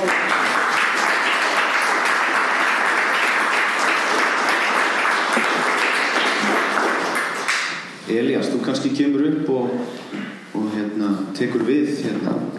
Ég er að, já, það eru spurningar úr það, sko, þannig að það var. Eru einhverja spurningur um það? Já.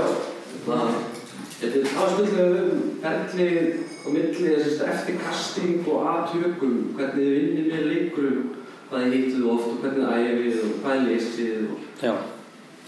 Ég að endur taka spurninguna fyrir mikrofónum Já. og spyrjum æfingaferlið eh, hvernig vinnir með leikurum í áttina að tökum Eh, Það er sko ótrúlega ólíkt Við sko það fer algjörlega eftir í hver, hver á hlut. Er þetta óreindileikarar, er þetta lærðileikarar er þetta ungi leikarar, er þetta gamli leikarar og allt það. Eh, og hver einasti leikari er í raun og veru líka bara ólíkt ferli út af fyrir sig. Þú getur ekki sagt mín aðferð er svona og þú bara aðlast að henni. Ég er allan tíman að reyna að kynnast leikarannum og hvað hendar honum best. Um, í tilfelli óróa þá hendaði bara langt best fyrir mig að verða úlíkur og hanga með þeim á prikinu og geta einhvern veginn unni þeirra tröst og orðið einn af þeim. Konunar minnar til mikill að gleði. Um, og það var ótrúlega gefandi og ótrúlega gott fyrir síðan einhvern veginn samstarfi að sjálfsögðu æfðu við senur og við pældum og, og, en maður kannski er ekki að fara í e, veist, eins djúpar pælingar með óreinduleikurum, maður er ekki að fara allavega í einhverja baksögur og eitthvað bla bla bla ég fókusaði svolítið bara á tilfinninguna sem við ætlum að reyna að búa til uh, og útskýra fyrir þeim og reyna að fá þau á svona sama band um hvað senunar eru, um hvað myndin er. Um, og leifa þeim og gefa þeim það traust að geta sagt Baldvin, það tala náttúrulega enginn svona þetta er fáranlegt, bara megum við breyta þessu að sjálfsögðu, hvernig myndum við vilja breyta þessu? Skáli bóðinu skál í bóðinu var til dæmis lína, eða dílókur. Já, eitthvað sem sem við gerum aðtöðsend við. Eh, eh, en svo eru til snýndleikar eins og Elias Kofod Hansen sem hérna kom til minning sem setti og sagði bara Baldvin, hvað þýðir orðið langrækin og ég útskýri það fyrir honum. Og hann bara, já, ok, þetta er skrítið. Svo skutum við senuna og, og þá hann senuna þannig og á þess að segja mér það svona bara, æ, voðalega getur þú verið langrækin og ég bara, ok, hann sagði þetta. Og svo sagði hann næst, æ, langrækin það er svona orð. Og þetta endaði myndinni þetta var svona snildarlega leist hjá hann en hérna uh, svo er það bara fullunarleikarinn sem er líka bara veist, mér finnst ótrúlega mikilvægt að vinna mér inn þetta tröst þannig að við treystum okkur í báður eftir þannig að ég geti átt góðan díalóg við þau á setti. Þú veist, að ég, veist, ég veit ekki hversu oft ég hef sagt við Þorstein Bakmann þetta er versti performance ég séð, en það er alltaf góðu sko, og hann kemur stundu tíminu bara þetta og ræðilegt bara já, guð mér ámáttu hvað er það að bæta alveg sama hvað það er. En við getum bara átt uppbyggilegan díalóg og uh, verið veist, og tekið inn allt það sem gerist því að sko, það er svo margt sem getur breytt einum, þú veist, rifrildi við við hérna, við göggu um morgunin getur breytt bara öllu andrúsloftinu og tökundegi og þú þarf bara að vera tilbúin í all, allt með þig en hvað varðar handritið og verkið sjálft þá er það sameiginlegur skilningur. Að við séum á sama að gera sömu mynd með sömu meiningar uh, og svo er það sem er, mér finnst rosalega mikilvægt er að allir skilji tónin í verkinu. Þetta er ekki þetta er ekki svona leikstíl þetta er, veist, við erum hérna þetta er myndin, þetta er tónin og svo æfi ég ekkert, eitthvað geðveikt mikið en svona bara til þess að finna tónin en allir séu komin á saman stað. Ég Þú varst að vinna svolítið með óreindum leikurum líka eða ekki? Já, en þess að bæni og það var ein, ein stúlka sem er óreind leikona í myndinni og svo annars og svo var restin meira minni mjög, mjög reind og ég er algjörlega sammála hérna, þérbaldin með að, að það er einhvern veginn þetta er bara fyrir algjörlega eftir leikaran þú veist, þekkjur hann áður? Hafið þið unni mikið saman er að hittast í fyrsta skipti þú veist, þurfum við að búa byggja upp eitthvað samband þurfum að byggja upp tröstið það verður að vera tröst og átt að geta þú veist, þú verður að hafa örugt, búa til örugt fang fyrir þannig að leikar að geta fallið í. Og einhvern veginn að hann treysti því hann eða hún treysti því að, að þú muni grípa. Uh, held ég sem mjög mikilvægt. Um, Æ, var bara að segja eitt sem var alveg geggjað.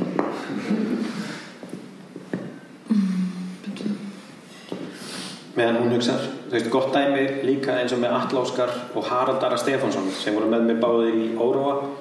Uh, Atli Óskar er svona típa sem þarf ekki, sko, hann vill ekki æfa. Hann, hann eða, veist, þá sko þetta, hann er svolítið svona, kemur svolítið að náttúruna hendi frá honum. Á meðan Haraldur var svona sem við þurftum að sitja með og við þurftum að æfa og skilja og fara yfir aftur og aftur og aftur.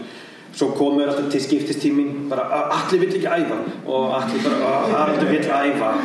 Og, en hérna en þann, þannig verðum við alltaf stilla sér af fyrir hvern og ég var líka að díla við þetta í, í lofmér að falla og var með tvær stelpur. Það var gjörsamlega gjör ólíkar önnur var að búa til rosalega mikinn karakter og var langt frá sjálfur sér. Á meðan hinn var svolítið bara eins og allir bara svolítið nálægt sjálfur sér. Þannig að þetta er svo það er engin, engin einleið maður þarf bara að finna þetta út. Já, sorry, eðilega eins og svona Nei, ég, hún, hún er ekki enda komin áttur. nei, ok, Ég trúi hún hafi verið geggjur samt. Já, hún var það mjög, sko. Eru fleiri spurningar? Það er fyrir mig, já. Um, eins og þið segir, þá eru mikið af líður upp, upp á mjög sögum í ferðunum. En svona, hefur eitthvað, einhvern tíma bara alveg mist áhuga á kvikmyndagerð í því? Já, það er frábær spurning. Ég ætla að endur taka spurninguna. Eh, talaðu mikið upp- og niðursöflum í, í ferlunu. Er eitthvað sem hefur gerst sem hefur látið ykkur bara algjörlega missa áhugan á kvikmyndagerð eða jafnvel verkefninu sem þið eru að vinna í? Já, allavega, sko, já, í rauninni já og það er svona, fyrir mitt það sem mér er krefandi eru þessi tímabil uh, uh, en ég held að ég er samt, sko ég er mjög þakklátt fyrir að upplifa það ég held að í- fyrir mig þá eigi ég að upplifa reglulega að minna sjálf á og gangi gegnum það að þetta er ekki það eina sem hægt er að gera í lífinu. Og ég þarf að vita það fyrir mig. Sko, ég er ekki eina af þessum sem að ég myndi bara svona geti bara í að lifa ef ég fæ ekki búti í bíómyndir. Þú veist, það er, mér líður ekki þannig sko. Þó ég, ég er pín öfunda fólk sem hefur, þú veist, eða alltaf trúið að það sé þannig. En uh, ég hef þú veist, ég þarf að vita að það er líka aðri hlutir og mér finnst starfleik stjórans vera líka svolítið manneski sem ágætt í mörgu en kannski ekkit endilega sérstaklega góð í einhverju einu. Um, þá, þú veist þannig að að vera opinn hjálpar þessu sko. Um, þannig að já, sannlega ég hef upplifað svona tímabili þar sem ég bara já, þetta er of mikið helvítis vesen. Uh, og það er of og þetta er erfitt land. Þú veist, við erum í litlu málsvæði og við erum á og, og það koma tímabil þar sem að er, þetta er bara svona really? Um, já, ég held að við verðum bara að fá að koma. Þetta er bara svona. Já, ég semst held ég geti ekki lifað ef að ég fæ ekki að gera bíó. Ég trúi því. En hérna um, nei, en þetta er samt bara bíó. Um, maður þarf líka að minna að sjá það. Um, eina skipti sem ég ákvað að hætta í kvimdagerð var uh, ég er nefnilega svolítið tvísverð í danska kvimdaskólan og komst í hvort skiptin og ég skilði það mjög vel og því ég skrif alltaf mjög svona lélega pappýra og hérna þetta var sett í þriðja endurprófun og við skrifum einhver svona greinagerð ég komst inn fyrst á einhverju stuttmynd og svo fór ég tók eitthvað próf og svo átti ég að skrifa einhverju pappýra eitthvað bla bla. Og það var hræðilegt. Og kom ekki inn og, og ég fór daginn eftir og sótt um í Kaupunahamna háskóla alltaf að vera sálfræði og brjálaður og bara þetta var allt ömulegt og þetta er ári áður en ég kynst í, nei hérna jú, eða, þetta er sama ár og ég kynst yngvar á júla sko. og hérna þannig að e, eftir á ekki er mest að heila spór mitt sko, að hafa ekki komið inn í skólan á þessu tíma og hafa hitt þá um, en svo er það oft í bara þessu ferli þegar maður er að reyna að búa eitthvað til þegar hugmyndin er ekki komin þegar maður er að berja sig hugmyndina þá stundum svona fæ ég ógeð af öllu um, en ekki þannig að ég ætla að hætta ég get ekki ég get ekki hætt, ég háður þessu ég ég get ekki lifað Já. Komið sér komið þér. Báðum þú sagði ráðan að það er mikilvægt fyrir að fólk sem komið tilbaka. Hvernig er ferlið hjá ykkur báðum saman við eins en handlið? Já, Þannig að tjena. sko um, ég staplaði mig upp basically bara í e-mailum hjá mér og því að þetta er allt í e-mailum um, og svo reyni ég bara að vinna mér hægt og róli gegnum það uh, út af því að maður er alltaf með svo marga bolt á lofti þá finnst mér svo erfitt oft að fara og lesa ný handrit og gefa þau út í að það er ekkert mál að lesa handrit og bara spóla yfir þau. En handrit eiga það ekki skilið og hérna, handrit eiga skilið að lesa. Þú veist, að þau lesist, að þú rýnir inn í þau. Þannig að ég er uh, með þess að mjög erfitt uh, að koma því fyrir að ná þessar 100% einbindinga eins og ég tala um flugvölur mjög góðar.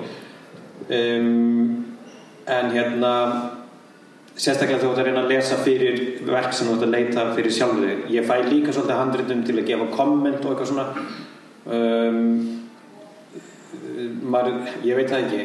Þetta er það er ekkert sérstætt ferli. Maður bara maður tekur bara næsta handrit sem maður fær í næstu flugvel og ég uh, er núna að fatta að þú hefur sendt mér handrit.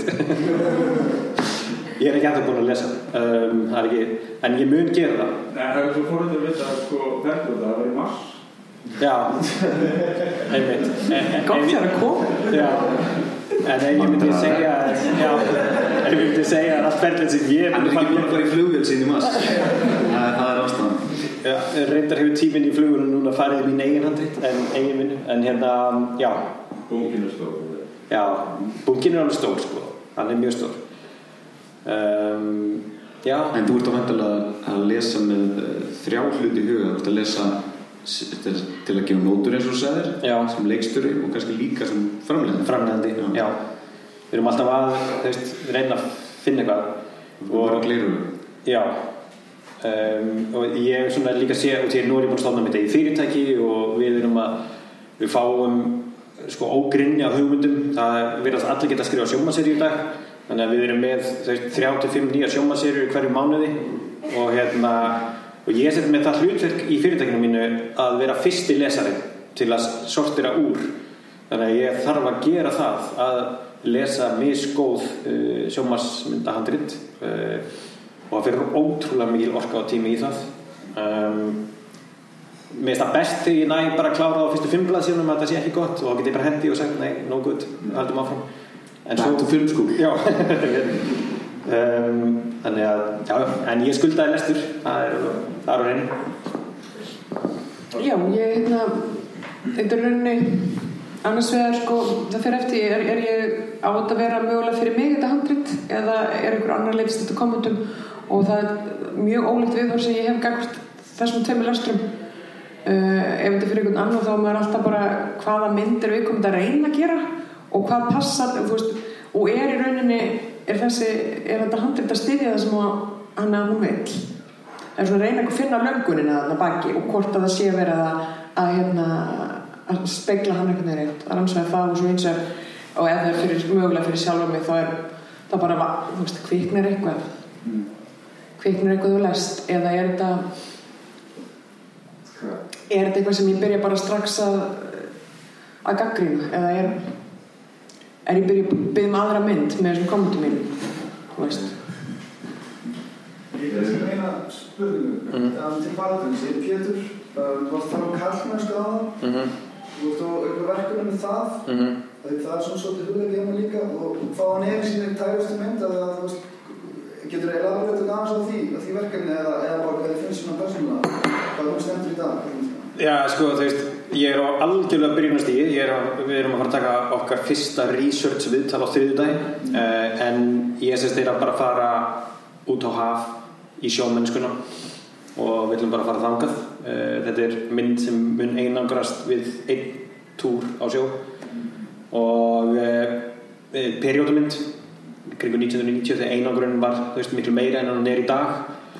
Og hérna ég kem af sjómannsfólki og allir bræður pappa þú veist, borðuðu akkar í morgumatt og hérna og þetta eru áhugaverði kallar um, og það er svona það er bara svo margt þú veist, við höfum aldrei opnað umræðuna á það hvað var að vera sjómaður á þessum tíma.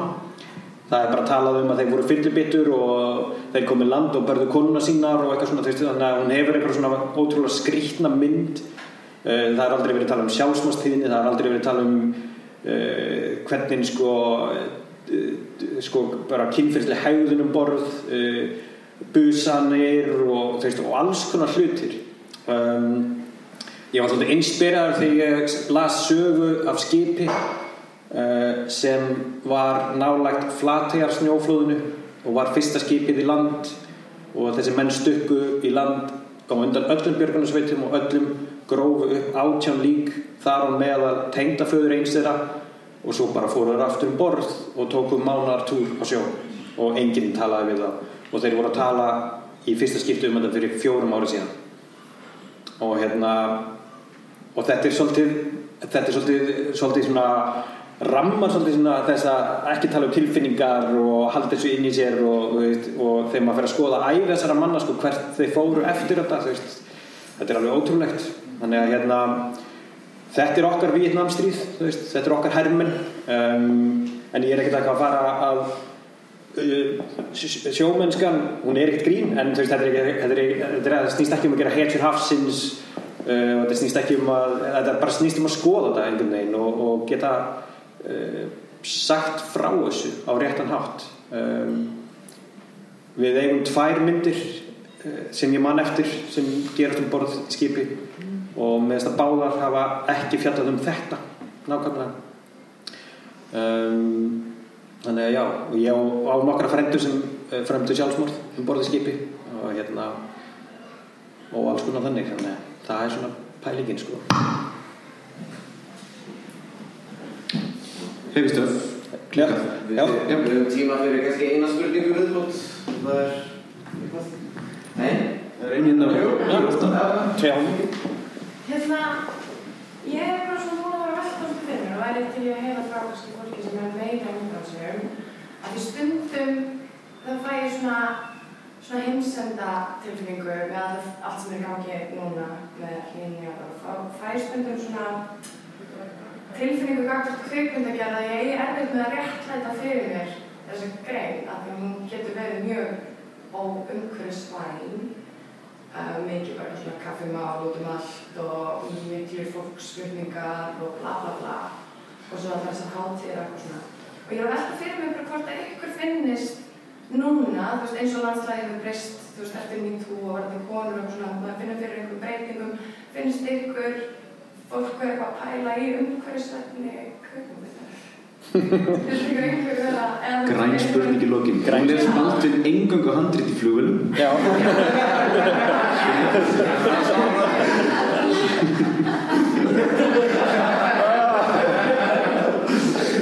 með kvó- kvótan á þessu. Já, vá. Sko, mér finnst þetta er frábær spurning. Já. og ég, frá mínu leiti þá held ég að sko því miður er stuttasverið allt of lítið. Þú veist, það er ekki bara bara, jú, það er umhverfið þessi, hún er svo þurftafreg þú veist, hún tekur svo mikið til sín. Um, og líka hún svo bara fjárherslega krefjandi. Og þetta er svona, hún speklar aðeins þessi tilfinningu bara, maður stendur og sett og er bara ú, ég þú veist, getur verið meiri forhundamannskja, þú veist, eina hugmynd og það eru, þú veist, 190 miljónir hérna í húfi, þið veitir sem þetta er náttúrulega bara mjög skakt en þannig að ég myndi segja að það er er í rauninu svolítið skrítið hvað með hvað þetta hefur breyst hratt með þess að meðutundin hefur stækkað svo mikið á stöðum tíma þá erum við sein að ná í hana í bransanum. Og þannig að ég, við erum og maður fann það líka í, í, í, í kringum MeToo hann er, hann er segur þetta ætti að vera opnara en hins vegar vil ég meina að eins og þegar að MeToo er lóksast náð inn í hann breytur hann varanlega og opna þannig að En það er kannski spurning hvort að þetta sé að byrja í handreitaskrifunum menn að nú eru eiginlega allir bara komin í iPadana eða tölvunar og ekki prent út þessi stóru þykku handreit kannski er þetta eitthvað sem byrja þar og færi sér síðan niður í fleiri anga kvikmyndagerð? Já, það var framleitt bíómyndinni fyrra sem fjekk vottun uh, heiti Tryggð. Og, hérna, og það var gert ímislegt þar til að, að ná þeirri vottun. Uh, og við erum að fara að framlega sjómaseríu með uh, framleiðundunum og þeirri mynd en hún er að fara að leikstýra. Og, hérna, og hún bara uh, basically setti bara nefnir borðu og sagði að ég vil fá þessum vottun í þetta verkefni líka og, hérna, og allt sem við þurfum að gera það er ekkert mál ef maður bara gerir það. En það er rosalega auðvelt það er auðvelt þessi heimi að gera það ekki sko. Líka Í hverju fælst það? Um, alls konar, veist, eins og með þessi pappamál uh, einbytta sér að því að ferðast eins mörg í bílum og geta, þetta verður tekið út á landi, veist, það er bara alls konar hlutir varðandi líka matarsóun og annað. Um, þetta er einhvers svona listi sem við förum yfir. Uh, við, við þurfum bara að breyta þessu og svo kemst það í, þú veist, einhverjar þú veist, það er sko þetta kaffibótlamál ef við myndum taka allir kaffibótla á Íslandi sem við höfum hendi í rusli, sko. Ég er ég man að ég patta einu sinni fyrir hérna litla sérið sem ég framleiti fyrir tíu ára síðan uh, kaffibotla. Ég pantaði 400 mál og degi 2 voru þau búnir. Og við vorum ný nei, við vorum, hvað voru þau mörg? 35-40 eða eitthvað. Og þetta voru 400 botlar sko. Og bara 2 voru 400 botlar farnir. Og þá fórum við á tölum við krúið. Og þetta er löngu fyrir tíma meðvutundar um þetta en, en það var bara út af því ég hafði ekki efna á þessu sko.